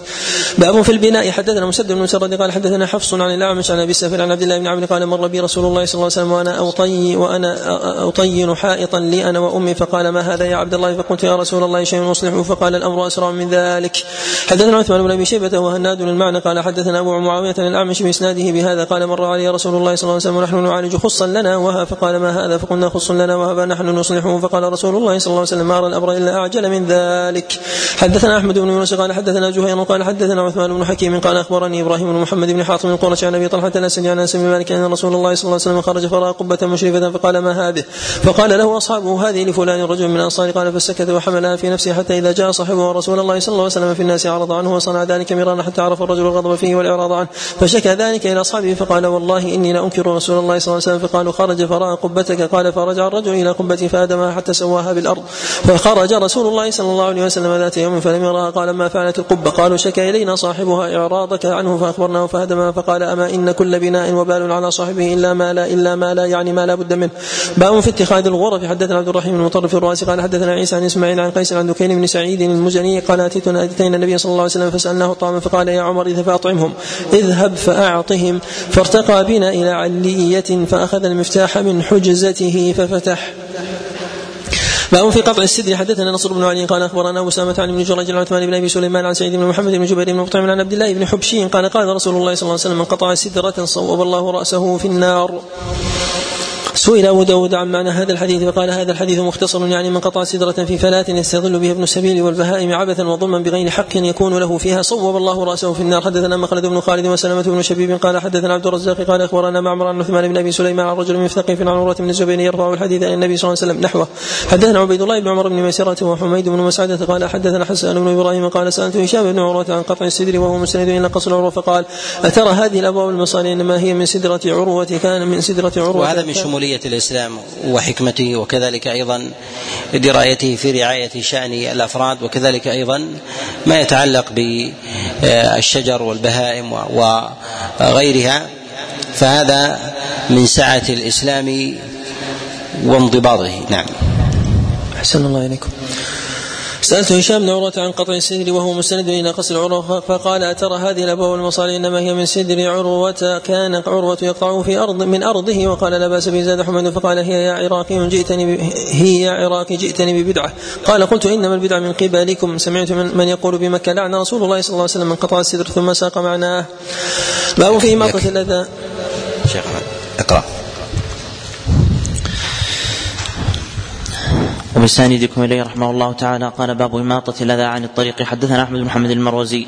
قال حدثنا علي بن حسين. قال حدثني أبي. قال حدثني عبد الله بن بريدة. قال سمعت أبي بريدة يقول سمعت رسول الله صلى الله عليه وسلم يقول في الناس ثلاثمائة وستون مفصلا فعليه أن يتصدق عن كل مفصل منه بصدقة قالوا ومن يطلق ذلك يا نبي الله؟ قال النخاعة في المسجد يدفنها والشيء ينحيه والشيء ينحيه عن الطريق فإن لم تجد فركعته الضحى تجزئك. حدثنا مسدد قال حدثنا حماد بن زيد. وذلك لأن تتحرك بها مفاصل الإنسان جميعها. و فإذا تحركت لله سبحانه وتعالى أدت شكر شكر يومها. نعم. وحدثنا أحمد بن منيع قال حدثنا عباد وهذا لفظه وهو أتم عن واصل عن يحيى بن عقيل عن يحيى بن عمر عن أبي ذر عن النبي صلى الله عليه وسلم قال يصبح على كل سلامة من ابن آدم صدقة. تسليمه على من لقيه صدقة وأمره بالمعروف صدقة ونهيه عن المنكر صدقة واماطته الاذى عن الطريق صدقة وبضع وبضعه وبضعه أهله صدقة. قالوا يا رسول الله يأتي شهوته وتكون له صدقة. قال رأيت لو وضعها في غير حقها كان يأثم. قال ويجزئ من ذلك كله ركعتان من الضحى. حدثنا وهب بن بقية. قال أخبرنا خالد عن واصل عن يحيى بن عقيل عن يحيى بن أعمر عن أبي الأسود الديلي عن أبي ذر بهذا الحديث وذكر النبي صلى الله عليه وسلم في وسطه. حدثنا عيسى بن حماد قال أخبرنا الليث عن محمد بن عجلان عن زيد بن أسلم عن أبي صالح عن أبي هريرة عن رسول الله صلى الله عليه وسلم أنه قال نزع رجل لم يعمل خيرا قط غصن شوك عن الطريق. إما كان في شجرة فقطعه والقاه وإما كان موضوعا فأماطه فشكر الله له بها فأدخله الجنة. باب إطفاء النار بالليل. حدثنا أحمد بن محمد بن حنبل قال حدثنا سفيان عن الزهري عن سالم عن أبيه رواية قال مرة يبلغ به النبي صلى الله عليه وسلم قال لا تتركوا النار في بيوتكم حين تنامون. حدثنا سليمان بن عبد الرحمن التمار قال حدثنا عمرو بن طلحة قال حدثنا أسباط عن سماك عن كلمة عن ابن عباس قال جاءت فارة فأخذت تجر الفتيلة فجاءت بها فألقتها بين يدي رسول الله صلى الله عليه وسلم على الخمرة على الخمرة التي كان قاعدا عليها فأحرقت منها موضعا مثل الدرهم مثل مثل درهم فقال إذا نمتم فأطفئوا سرجكم فإن الشيطان يدل مثل هذه على هذه على هذا فيحرقكم. باب قتل الحيات حدثنا إسحاق بن إسماعيل قال حدثنا سفيان عن ابن عجلان عن أبيه عن أبي هريرة رضي الله عنه قال قال رسول الله صلى الله عليه وسلم ما ما سالمناهن منذ حاربناهن ومن ترك شيئا منهن خيفة فليس منا. حدثنا عبد الحميد بن بيان السكري عن إسحاق بن يوسف عن شريك عن أبي إسحاق عن القاسم بن عبد الرحمن عن ابي عن عن ابن مسعود رضي الله عنه قال قال رسول الله صلى الله عليه وسلم اقتلوا الحياة كلهن فمن خاف ثأرهن فليس مني. حدثنا عثمان بن أبي شافة قال حدثنا عبد الله بن نمير قال حدثنا موسى بن مسلم قال سمعت عكرمة يرفع الحديث فيما أرى إلى ابن عباس. قال قال رسول الله صلى الله عليه وسلم من ترك الحياة مخافة طلبهن فليس منا ما سالمناهن منذ حاربناهن. حدثنا أحمد بن منيع قال حدثنا مروان بن معاوية عن موسى الطح عن موسى الطحان قال حدثنا عبد الرحمن بن ثابت عن, عن العباس بن عبد المطلب أنه قال رسول الله صلى الله عليه وسلم إنا نريد أن انا إنا نريد أن نكنس زمزم وإن فيها من هذه الجن الجنان أو الجنان يعني الحيات الصغار فأمر النبي صلى الله عليه وسلم بقتلهن. حدثنا مسدد قال حدثنا سفيان عن عن الزهري عن سالم عن أبيه أن رسول الله صلى الله عليه وسلم قال اقتلوا الحيات وذا الطفيتين والابتر فإنهما يل يلتمسان فإنهما يلتمسان البصر ويسقطان الحبل. قال وكان عبد الله يقتل كل حية وجدها فابصره أبو لبابة أبو فابصره أبو لبابة أو زيد بن الخطاب وهو يطارد حية فقال إنه قد نهي عن ذوات البيوت. حدثنا قال أبي عن مالك عن نافع عن أبي لبابة أن رسول الله صلى الله عليه وسلم نهى عن قتل الجنان التي تكون في البيوت إلا أن يكون ذا الطفيتين والأبتر.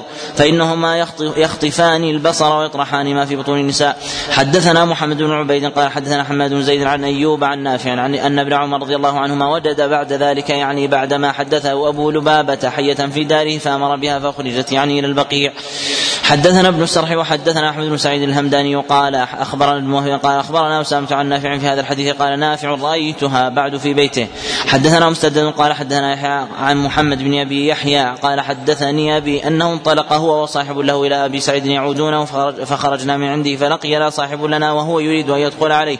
فأقبلنا نحن فجلسنا في المسجد فجاء فاخبرنا فأخبرنا أنه سمع أبا سعيد الخدري رضي الله عنه يقول قال رسول الله صلى الله عليه وسلم إن الهوام من الجن فمن رأى في بيته شيئا فليحرج عليه ثلاث مرات. فإن عاد فليقتله فإنه شيطان. حدثنا يزيد بن حدثنا يزيد بن موهب الرملي قال حدثنا الليث عن ابن عجلان عن صيفي أبي سعيد مولى الأنصار عن أبي السائب عن أبي السائب قال أتيت أبا سعيد الخدري فبينما أنا جالس عنده سمعت تحت سريره تحريك شيء فنظرت فإذا حية فقمت أبو سعيد ما لك قلت حية ها هنا قال فتريد ماذا؟ قلت أقتلها فأشار إلى بيت في داره لقاء بيته فقال ابن إن ابن عم لي كان في هذا البيت فلما كان يوم الأحزاب استأذن إلى أهلي وكان حديث عهد بعرس.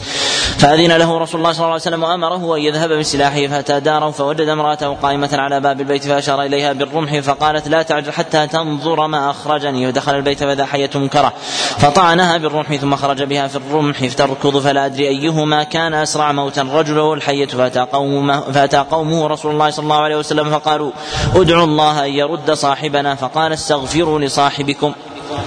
ثم قال إن نفرا من الجن يسلموا بالمدينة فإذا رأيتم أحدا منهم فحذروه ثلاث مرات ثم إن بدا لكم بعد أن تقتلوا فاقتلوا بعد الثلاث. حدثنا يحيى عن ابن عجلان بهذا الحديث مختصرا. قال فليؤذنه ثلاثا فإن بدا له بعد فليقتله فإنه شيطان. حدثنا أحمد بن سعيد الهمداني وقال أخبرنا ابن وهب قال أخبرني مالك عن صيفي عن صيفي مولى بن أفلح. قال أخبرني أبو أبو السائب مولى هشام بن زهرة أنه دخل على أبي على على أبي سعيد الخدري فذكر نحوه وتم منه. قال فآذنوه ثلاثة أيام فإن بدا لكم بعد ذلك فاقتلوه فإنما هو شيطان. حدثنا سعيد بن سليمان قال عن علي بن هاشم قال حدثنا ابن ابن أبي ليلى عن ثابت البناني. عن عبد الرحمن بن أبي ليلى عن أبيه أن رسول الله صلى الله عليه وسلم سئل عن حيات البيوت فقال إذا رأيتم منها شيئا في مساكنكم فقولوا أنشدكم العهد الذي أخذ عليكم نوح أنشدكم بالعهد الذي أخذ عليكم سليمان تؤذون فإن عدن فاقتلوهن. حدثنا عمرو بن عون قال أخبرنا أبو عوانة عن مغيرة عن إبراهيم عن ابن مسعود رضي الله عنه أنه قال اقتلوا الحيات كلها إلا الجان الأبيض الذي كأنه قضيب فضة. قال أبو داود فقال لي إنسان إن الجان لا يتعوج في مشيته فإن كان هذا صحيحا. كانت كانت علامة فيه إن شاء الله. باب والمناشدة, والمناشدة خاصة بحياة البيوت لا في كل حياة. وما الحياة التي تكون بالبراري والأودية وكذلك أيضا في البساتين فإنها لا تأخذ ذلك الحكم. فالحكم خاص بحياة البيوت. نعم. باب في قتل الاوزاغ حدثنا أحمد بن حنبل قال حدثنا عبد الرزاق قال أخبرنا معمر عن الزهري عن عامر بن سعد عن أبيه قال أمر رسول الله صلى الله عليه وسلم بقتل الوزاغ وسماه فويسقا. حدثنا محمد بن الصباح البزاز قال حدثنا إسماعيل بن زكريا عن سهيل عن أبيه عن أبي هريرة رضي الله عنه قال قال رسول الله صلى الله عليه وسلم من قتل وزغه في أول ضربة فله كذا وكذا حسنة ومن قتله في الضربة الثانية فله كذا وكذا حسنة أدنى من الأولى ومن قتله في الضربة الثالثة فله كذا وكذا حسنة أدنى من الثانية. حدثنا محمد بن صباح قال حدثنا إسماعيل بن زكريا عن سهيل قال حدثني أخي أو اخت أو أو أختي عن أبي هريرة رضي الله عنه النبي صلى الله عليه وسلم أنه قال في أول ضربة سبعون حسنة باب في قتل الذر. حدثنا قتيبة بن سعيد عن المغيرة بن عبد الرحمن عن أبي الزناد عن الأعرج عن أبي هريرة رضي الله عنه أن النبي صلى الله عليه وسلم قال الذي ينزل على البهائم مما جاء به الشرع وذلك كالوزغ ونحو ذلك في محاسبته فيما فعله مع الخليل إبراهيم. دليل على أن البهائم لديها نوع تكليف وإدراك تحاسب على تحاسب على فعله. وهذا الإدراك ليس ادراكا كإدراك بني آدم لكنه نوع تكليف يدركون يدركون معه بعض الفعل ويدركون أيضا أجناس وأنواع بني آدم. ولهذا أنزل الله عز وجل بأمر النبي عليه الصلاة والسلام أنزل رسول الله صلى الله عليه وسلم بأمر الله جل وعلا العقاب على الوزغ بسبب فعل فعله. بسبب فعل فعله مع الخليل مع الخليل إبراهيم. نعم. أحسن الله عليكم. عن أبي هريرة رضي الله عنه أن النبي صلى الله عليه وسلم قال نزل نبي من الأنبياء تحت شجرة فلدغته نملة فأمر بجهازه فأخرج من تحتها ثم أمر بها فأحرقت. فأوحى الله إليه فهلا نملة واحدة. حدثنا أحمد بن صالح قال حدثنا عبد الله بن وهب قال أخبرني يونس عن ابن شهاب عن أبي سلمة بن عبد الرحمن وسعيد بن المسيب عن أبي هريرة عن رسول الله صلى الله عليه وسلم أن نملة قرصت نبيا من الأنبياء فأمر بقرية النمل فأحرقت. فأوحى الله إليه أفي أن قرصت كنملة أهلكت أمة من الأمم تسبح. حدثنا أحمد بن حنبل قال حدثنا عبد الرزاق قال أخبرنا معمر عن الزهري عن عبيد الله بن عبد الله بن عتبة عن ابن عباس قال قال النبي صلى الله عليه وسلم نهي عن قتل أربع من الدواب النملة والنحلة والهدهد والصرد حدثنا أبو صالح محبوب بن موسى قال قال أخبرنا أبو إسحاق الفزاري عن أبي إسحاق الشيباني عن ابن سعد قال أبو داود وهو الحسن بن سعد عن عبد الرحمن بن عبد الله عن أبيه قال كنا مع رسول الله صلى الله عليه وسلم في سفر فانطلق لحاجته. فرأينا حمرة معها فرخان فأخذ فأخذنا فرخيها فجاءت الحمرة فجعلت تعرش فجاء النبي صلى الله عليه وسلم فقال من فجع هذه بولدها؟ ردوا ولدها إليها ورأى قرية نمل قد حرقناها. فقال من حرق هذه؟ قلنا نحن. قال إنه لا ينبغي أن يعذب بالنار إلا رب النار. باب قتل الضفدع. حدثنا محمد بن كثير قال أخبرنا سفيان عن ابن أبي ذئب عن سعيد بن خالد عن سعيد بن المسيب عن عبد الرحمن بن عثمان أن طبيبا سأل النبي صلى الله عليه وسلم عن ضفدع يجعلها في دواء فنهاه النبي صلى الله عليه وسلم عن قتلها. باب في الخذف. حدثنا حفص بن عمر قال حدثنا شعبة عن قتادة عن عقبة بن صهبان عن عبد الله بن مغفر رضي الله عنه قال نهى رسول الله صلى الله عليه وسلم عن الخذف قال قال إنه لا يصيد صيدا ولا ينكأ عدوا وإنها تفقع العين وتكسر السن. باب في الختان. حدثنا سليمان بن عبد الرحمن الدمشقي وعبد الوهاب بن عبد الرحيم بن عبد الرحيم الأشجعي قال حدثنا مروان وقال حدثنا محمد بن حسان. قال عبد الوهاب الكوفي عن عبد الملك بن عمير عن أم عطية الأنصارية أن امرأة كانت أن امرأة كانت تختن بالمدينة أو تختن بالمدينة فقال لها النبي صلى الله عليه وسلم لا تنهكي فإن ذلك أحظى للمرأة وأحب إلى البعل. قال أبو داود وروي عن عبيد الله بن عمرو عن عبد الملك بمعناه وإسناده ليس بالقوي ولا يثبت عن النبي صلى الله عليه وسلم في ختان الأنثى شيء. وإنما عموم النصوص يدخل فيها العلماء عليهم رحمة الله الحكم الوارد على الذكر والأنثى. وهناك من العلماء من يحكي الاتفاق على السنية باعتبار عموم باعتبار عموم النصوص وأن ختان الإناث باعتبار أنه موجود عند العرب ولم ينهى عنه النبي صلى الله عليه وسلم وأطلق وأطلق التأكيد على الختان. وإلا وإن كان دون دون ختان الذكور مرتبة إلا أنه لا ينبغي أن يقال أن يقال بكراهته أو ببدعيته أو بتحريمه ويبقى ويبقى من أعمال من الأعمال التي تخضع للاجتهاد. منهم من يقول إنها تساوي ختان الذكور وهذا قول لبعض العلماء. ومنهم من يقول إنها دون دون ذلك مرتبة من السنية. وقيل إنما هي إنما هي من المكارم. والله أعلم. نعم. أحسن الله عليكم. باب مشي النساء في الطرق. حدثنا عبد الله بن مسلمة قال حدثنا عبد العزيز يعني بن محمد عن أبي اليمان عن شداد بن أبي عمرو بن حماس عن أبيه عن حمزة بن أبي أسيد الأنصاري عن أبيه أنه سمع رسول الله صلى الله عليه وسلم يقول وهو خارج من المسجد فاختلط الرجال مع النساء في الطرق. فقال رسول الله صلى الله عليه وسلم للنساء استخرن فإنه ليس لكن أن تحققن الطريق عليكن بحافات الطريق. قال فكانت المرأة تلصق بالجدار حتى إن ثوبها لا يتعلق بالجدار من لصوقها به. حدثنا محمد بن وحي بن فارس قال حدثنا أبو قتيبة سلم بن قتيبة عن داود بن أبي صالح المدني عن نافع عن ابن عمر رضي الله عنهما أن النبي صلى الله عليه وسلم نهى أن يمشي الرجل بين المرأتين. داود بن أبي صالح لا يتابع على حديثه كما قال ذلك البخاري وقد عل هذا الخبر.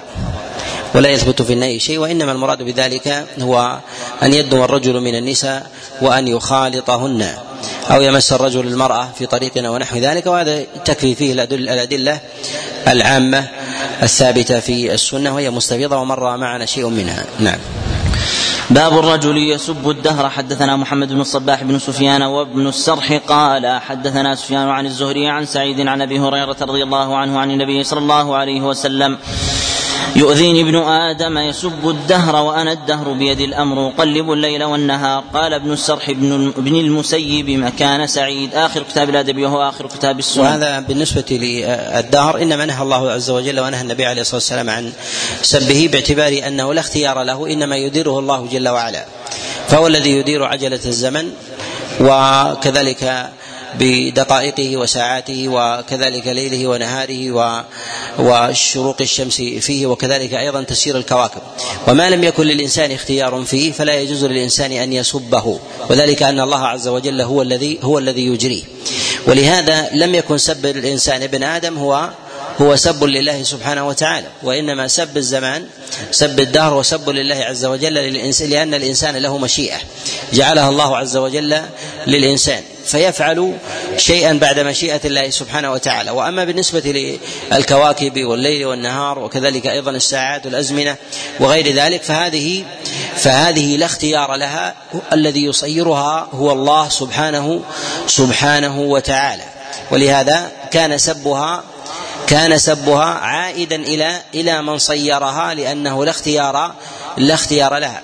إلا أن هذا النوع من السب لا يكون مباشرا بسب الله عز وجل فيقال إن من سب الله من سب الدهر أو سب الكواكب كان كمن سب الله عز وجل في ذاته سبحانه سبحانه وتعالى.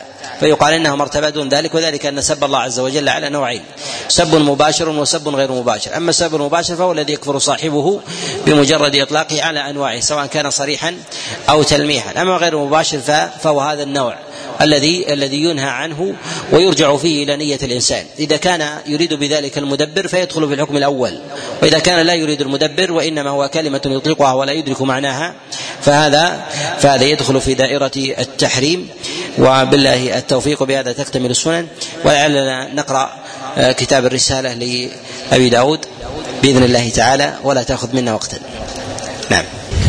الحمد لله بأسانيدكم إلى أبي داود سليمان بن الأشعث بن إسحاق بن بشير بن شداد السجستاني أنه سئل عن رسالته التي كتبها إلى أهل مكة وغيرها جوابا لهم فأملى علينا.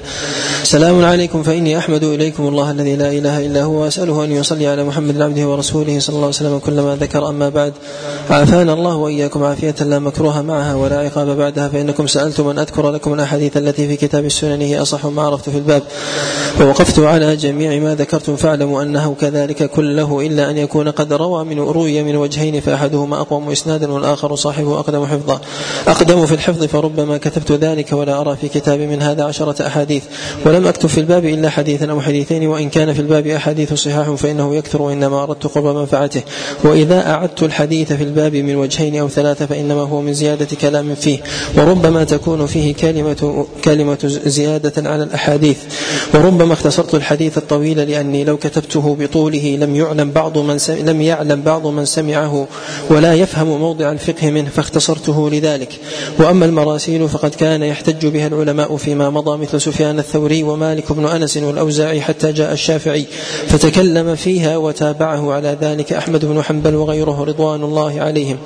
فإذا لم يكن مسند غير المراسيل ولم يوجد المسند فالمرسل يحتج به وليس هو مثل المتصل في القوة وليس في وليس في كتاب السنن الذي صنفته عن رجل متروك الحديث شيء. وإذا كان فيه حديث منكر بينت أنه منكر وليس على نحوه في الباب غيره. وهذه الأحاديث ليس منها في كتاب ابن المبارك ولا كتاب وكيع إلا الشيء اليسير. وعامته في كتاب هؤلاء مراسيل. وفي كتاب السنن من موطئ مالك بن أنس شيء صالح. وكذلك من مصنفات حماد بن سلمة وعبد الرزاق. وليس ثلث هذه الكتب فيما أحسبه في كتب جميعهم. أعني مصنفات مالك بن أنس وحماد. وحماد بن سلمة وعبد الرزاق. وقد ألفته نسقا على ما وقع عندي فإن, فإن ذلك فإن ذكر لك عن النبي صلى الله عليه وسلم سنة ليس مما خرجته. فاعلم أنه حديث واهن إما أن يكون في كتابي من طريق آخر. فإني لم أخرج إلا أن يكون في كتابي من طريق آخر فإني لم أخرج الطرق لأنه يكبر على المتعلم ولا أعرف أحدا جمع على الاستقصاء غيري. وكان الحسن بن علي الخلال قد جمع منه قدر تسعمائة حديث وذكر أن ابن المبارك قال السنن عن النبي صلى الله عليه وسلم نحو تسعمائة حديث نحو تسعمائة حديث فقيل له إن أبا يوسف قال هي ألف ومئة. قال ابن المبارك أبو يوسف يأخذ بتلك الهنات من هنا وهنا نحو الأحاديث الضعيفة. وما كان في كتاب من حديث فيه وهن شديد فقد بينته. السنة التي عليها مدار الأحكام الأحاديث. قد قال أبو داود وكذلك جاء عن سفيان آه، وعن غيره أن الأحاديث التي عليها مدار الأحكام خمسمائة وفرشها وتفصيلها خمسة آلاف. هي التي عليها عليها مدار الدين من جهة الأصول الأصول والفروع ويرد عنها شيء يسير جدا ما يتعلق بأمور الفتن والملاحم ونحو ذلك ما لا تدخل في صلب في صلب التعبد ومما لا يسهل عنه العبد يوم يوم القيامة. نعم. أحسن الله إليكم. وما كان في كتاب من حديث فيه وهن شديد فقد بينته ومنه ما لا يصح سنده. ما لم أذكر فيه شيئا فهو صالح وبعضها أصح من بعض وهذا لو وضعت لو وضعه غيري لقلت أنا فيه أكثر. وهو كتاب لا لا ترد عليك سنة عن النبي صلى الله عليه وسلم بإسناد صالح إلا وهي فيه إلا أن يكون كلام استخرج من الحديث ولا يكاد يكون هذا. ولا أعلم شيئا بعد القرآن ألزم للناس أن يتعلموه من هذا الكتاب ولا يضر رجلا أن لا يكتب من العلم بعدما يكتب هذه الكتب شيئا. وإذا نظر فيه وتدبره وتفهمه حينئذ يعلم مقداره. وأما هذه المسائل مسائل الثوري ومالك والشافعي فهذه الأحاديث أصولها. ويعجبني أن يكتب الرجل مع هذه الكتب من رأي أصحاب النبي صلى الله عليه وسلم. ويكتب أيضا مثل جامع سفيان الثوري فإنه أحسن ما وضع ما وضع الناس في الجوامع. والأحاديث التي وضعتها في كتاب السنن أكثرها مشاهير وهي عند كل من كتب شيئا من الحديث إلا أن تمييزها لا يقدر عليه كل الناس والفخر بها أنها مشاهير فإنه لا يحتج بحديث غريب ولو كان من رواية مالك ويحيى بن سعيد والثقات من أئمة العلم. ولو احتج رجل بحديث غريب وجدت من يطعن فيه ولا يحتج بالحديث الذي قد احتج به إذا كان الحديث غريبا شاذا. فأما الحديث المشهور المتصل الصحيح فليس يقدر يقدر أن يرده عليك أحد. وقال إبراهيم النخعي كانوا يكرهون الغريب من الحديث. وقال يزيد بن أبي حبيب إذا سمعت الحديث فأنشد فانشده كما تنشد الضالة فإن عرف وإلا فدعه. وإن من الأحاديث في كتاب السنن ما ليس بمتصل وهو مرسل ومدلس وهو إذا لم توجد الصحاح عند عامة أهل الحديث على معنى أنه متصل وهو مثل الحسن عن جابر والحسن عن أبي هريرة والحكم عن مقسم عن مقسم وسماع الحكم من مقسم أربعة أحاديث. وأما أبو إسحاق عن الحارث عن علي فلم يسمع أبو إسحاق من الحارث إلا أربعة أحاديث ليس فيها مسند واحد. وأما ما في كتاب السنن من هذا النحو فقليل ولعل ليس للحارث الأعول في كتاب السنن إلا حديث واحد فإنما كتبته بأخرة. وربما كان في الحديث ما تثبت صحة الحديث منه إذا كان يخفى ذلك علي فربما تركت الحديث إذا لم أفقهه وربما كتبته وبينته وربما لم أقف عليه وربما أتوقف عن مثل هذه. لأنه ضرر على العامة أن يكشف لهم كل ما كان من هذا الباب فيما مضى من عيوب الحديث. لأن عامة لأن علم العامة يقصر عن مثل هذا. وهذا ما تقدم الإشارة إليه أن علم العلل علم دقيق ولهذا الأئمة عليهم رحمة الله لا يفصلون فيه ويصيبون حتى لا يستشكل عند العامة. كذلك أيضا لا يثيرون الكلام على بعض الأحاديث علل في بيان عللها الخفية لأن هذه المصنفات إنما صنفت لتكون للخاصة وللعامة حتى ينظرون حتى ينظرون فيها. فإذا تكلموا على كل حديث بنفس العلل الذي يتمكن منه فإن هذا مما يفقد الكتاب من مقصوده وكذلك يفرغه أيضا من الانتفاع والقصد الذي صنعه مصنفه لأجله. نعم. أحسن الله عليكم وعدد كتب هذه السنن ثمانية عشر جزءا مع المراسيل منها جزء واحد مراسيل. حكم المراسيل منها جزء واحد مراسيل. وما روي عن النبي صلى الله عليه وسلم من المراسيل منها لا يصح ومنها ما هو مسند عن غيره وفي هذا, وفي هذا إشارة إلى أن كتاب المراسيل من سنن أبي داود إنما هو تابع للسنن وليس منفك. وليس منفكا عنه. وهناك من يقول إنه تابع للسنن وهناك من يقول إنه ليس من السنن وإنما يلحق الحاقا. ونظر إنه من السنن كما هو كلام المصنف رحمه الله صريحا في رسالته إلى أهل مكة لما سئل عن منهجه في كتابه في كتابه السنن. نعم. ولعل عدد الذي في كتابي من الأحاديث قدر أربعة آلاف وثمانمائة حديث. ونحو ستمائة حديث من المراسيل. فمن أحب أن يميز هذه الأحاديث مع الألفاظ فربما يجيء حديث من طريق وهو عند العامة من طريق الأئمة الذين هم مشهورون. غير أنه ربما طلبت اللفظة طلبت اللفظة التي تكون لها معان كثيرة. وممن عرفت نقل من جميع هذه الكتب فربما يجيء الإسناد فيعلم من حديث غيره أنه غير متصل. ولا يتبينه السامع إلا بأن يعلم الأحاديث. وتكون له فيه معرفة. فيقف عليه مثل ما يروى عن ابن جرج قال أخبرت عن الزهري ويرويه البرساني عن ابن جريج عن الزهري فالذي يسمع يظن أنه متصل ولا يصح بتة فإنما تركناه لذلك هذا لأن الأصل لأن أصل الحديث غير متصل ولا يصح وهو حديث معلول ومثل هذا كثير. والذي لا يعلم يقول قد تركنا حديثا صحيحا من هذا وجاء بحديث معلول وإنما لم أصنف في كتاب السنن إلا الأحكام ولم أصنف كتب الزهد وفضائل الأعمال وغيرها فهذه الأربعة والآلاف والثمانمائة كلها في الأحكام. فأما أحاديث كثيرة في الزهد والفضائل وغيرها من غير هذا. لم أخرجه. والسلام عليكم ورحمة الله وبركاته. وصلى الله على سيدنا محمد وآله وسلم تسليما. وحسبنا الله ونعم الوكيل.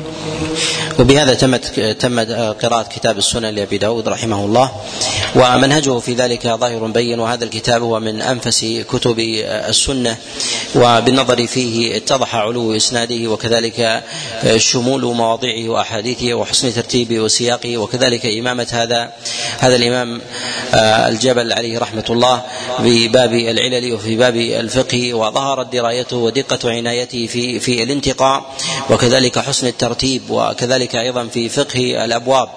وكذلك أيضا في تعدد شيوخه وتنوع رواته لكتاب السنن. في هذا ظهر جليا في هذا الباب. وظهر لنا أيضا آه، منهج المصنف رحمه الله في آه، التعليل وكذلك منهج المصنف آه، في الكلام على الرواة ومنهج المصنف في ترتيبه للأحاديث وسياقه لها ووجوه الإعلال وطريقته أيضا ونفسه في ذلك. وإن كانت النسخ التي بين أيدينا ربما لا تكون هي هي جميع النسخ التي رغب أن يكون عليها سنن أبو داود رحمه الله ولكن هو مجموع ما قصده ابو داود هو بين بين أيدينا. و تكلمنا في مواضع متعددة أيضا على جملة من الأحاديث منها ما يتعلق في أبواب العلل ومنها ما يتعلق في أبواب الفقه والأدب وغير ذلك. ولم نسب وكذلك أيضا لم نطل فيما نتكلم فيه لأن لأن المقام يقتضي الاختصار. وهذه التعليقات إنما هي تعليقات يسيرة على سبيل الارتجال. قيدها الإخوة وقد ذكر لي الاخ الشيخ سلطان الجردان أنها بلغت 1073 موضعا. وأسأل الله سبحانه وتعالى أن يوفقنا وإياكم إلى هداه ورضاه وأن يجعلنا من أهل السداد والتوفيق والإعانة وأن يأخذ بنواصينا إلى البر والتقوى وأن يجعلنا من أهل النظارة. وكذلك أن يحسن عاقبتنا بين يديه سبحانه وتعالى وأن يلحقنا مع نبيه صلى الله عليه وسلم وأن يجعل هذه المجالس بسهر العيون وحضور الأذهان وكذلك إصغاء المسامع وخشوع القلوب. أن يكون ذلك تخفيفا لنا في المحشر عنده سبحانه وتعالى. وأن يكون ذلك سائقا لنا ونورا وهداية وسراجا لنا يقودنا إلى إلى جنات الله عز وجل جنات النعيم وأن يلحقنا بالنبيين والصديقين والشهداء وأن يجعلنا بقراءتنا لسنة رسول الله صلى الله عليه وسلم وتدبرنا لها وحبنا لا أن يلحقنا بنبيه عند حوضه وأن يسقينا منه شربة لا نظمأ بعدها أبدا وأسأله سبحانه وتعالى أن يخلفنا فيما نقضي من أوقاتنا خيرا عنده جل جل وعلا وأن يتقبل منا وأن ينفعنا بما سمعنا وأن يعلمنا ما جهلنا وأن يذكرنا ما نسينا. إنه ولي ذلك والقادر عليه وصلى الله وسلم وبارك على نبينا محمد.